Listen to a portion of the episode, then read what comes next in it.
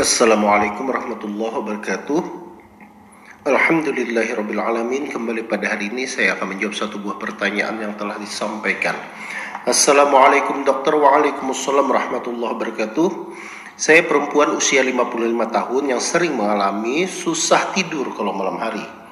Kadang terpaksa saya minum obat tidur. Yang mau saya tanyakan, bolehkah minum obat tidur tanpa resep dokter? Bolehkah minum obat tidur setiap malam? Apakah ada dampak negatif bila diminum terus-menerus? Mohon penjelasannya dok. Terima kasih dari Latifah.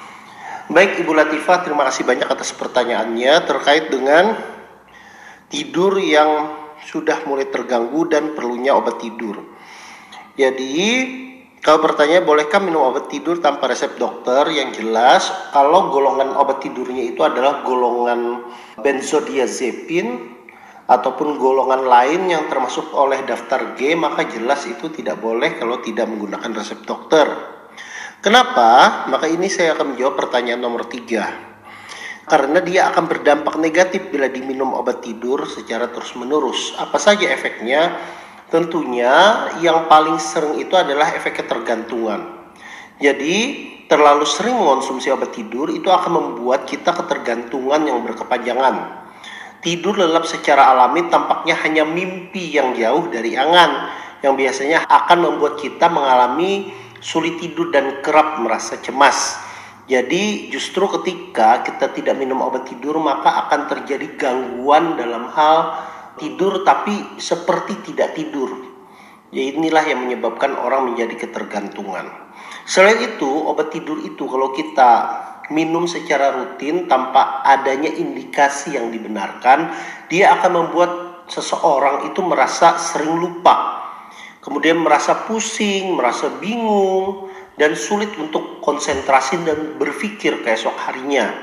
Sehingga tentunya berlebihan dalam mengonsumsi akan memaksa kita untuk meningkatkan asupan yang lebih meningkat dosisnya pada besok harinya sehingga ini akan menimbulkan efek yang lebih besar dan akan menimbulkan efek ketergantungan sehingga tentunya tidak diperkenankan untuk mengonsumsi obat tidur yang dikonsumsi tanpa resep dari dokter. Kemudian kita juga sebenarnya harus mengetahui kenapa semakin tua usia itu untuk tidur itu semakin sulit. Nah, jadi kita harus menyadari bahwa masalah tidur itu mungkin ada pemicu lainnya yang menyebabkan terjadinya gangguan kesehatan mental kita.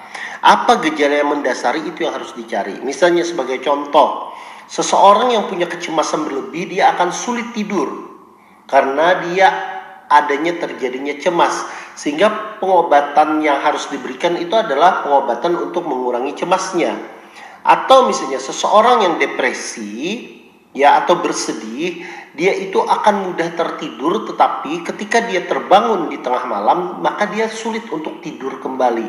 Nah, itu khasnya depresi. Nah, kalau itu yang terjadi, maka tentunya yang diberikan itu adalah obat-obat untuk mengatasi depresinya ataupun pendekatan psikis terhadap e, depresinya tersebut, bukan semata-mata obat tersebut atau tidak bisa tidur itu karena adanya efek samping dari obat-obat tertentu. Maka tentunya efek samping dari obat itu, maka obat itu yang harus diperhatikan apakah tetap diberikan atau tidak. Jadi jangan sampai nanti kita memberikan obat tidur atau misalnya pasien mengonsumsi obat tidur tanpa ada indikasi medis yang jelas karena jelas itu akan berbahaya kalau itu dikonsumsi. Apalagi kalau pertanyaannya, bolehkah minum obat tidur setiap malam? Ya kalau itu tidak indikasi maka tidak diperbolehkan. Kecuali indikasi dan indikasinya pun apakah itu lebih besar manfaat daripada mudaratnya, maka itu juga diperhatikan untuk pemberian obat tidur tersebut.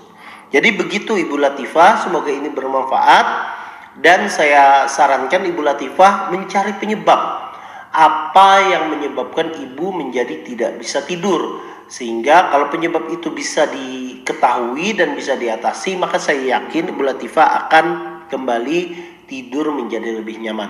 Demikian, semoga kita semua diberikan kesehatan oleh Allah Subhanahu wa taala. Saya tutup. Wassalamualaikum warahmatullahi wabarakatuh.